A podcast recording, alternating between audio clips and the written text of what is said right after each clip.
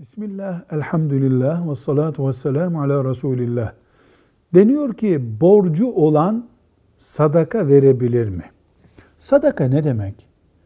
Üzerimizde bağlayıcı bir yükü bulunmadığı halde bir hayır yapmak demek.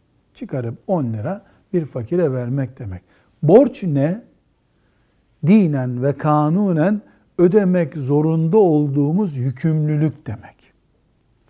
Bir Müslüman borç sırtında iken sadaka verdiğinde bu o borcu ödemesi açısından sıkıntı oluşturacaksa sadaka vermemelidir. Caiz değil.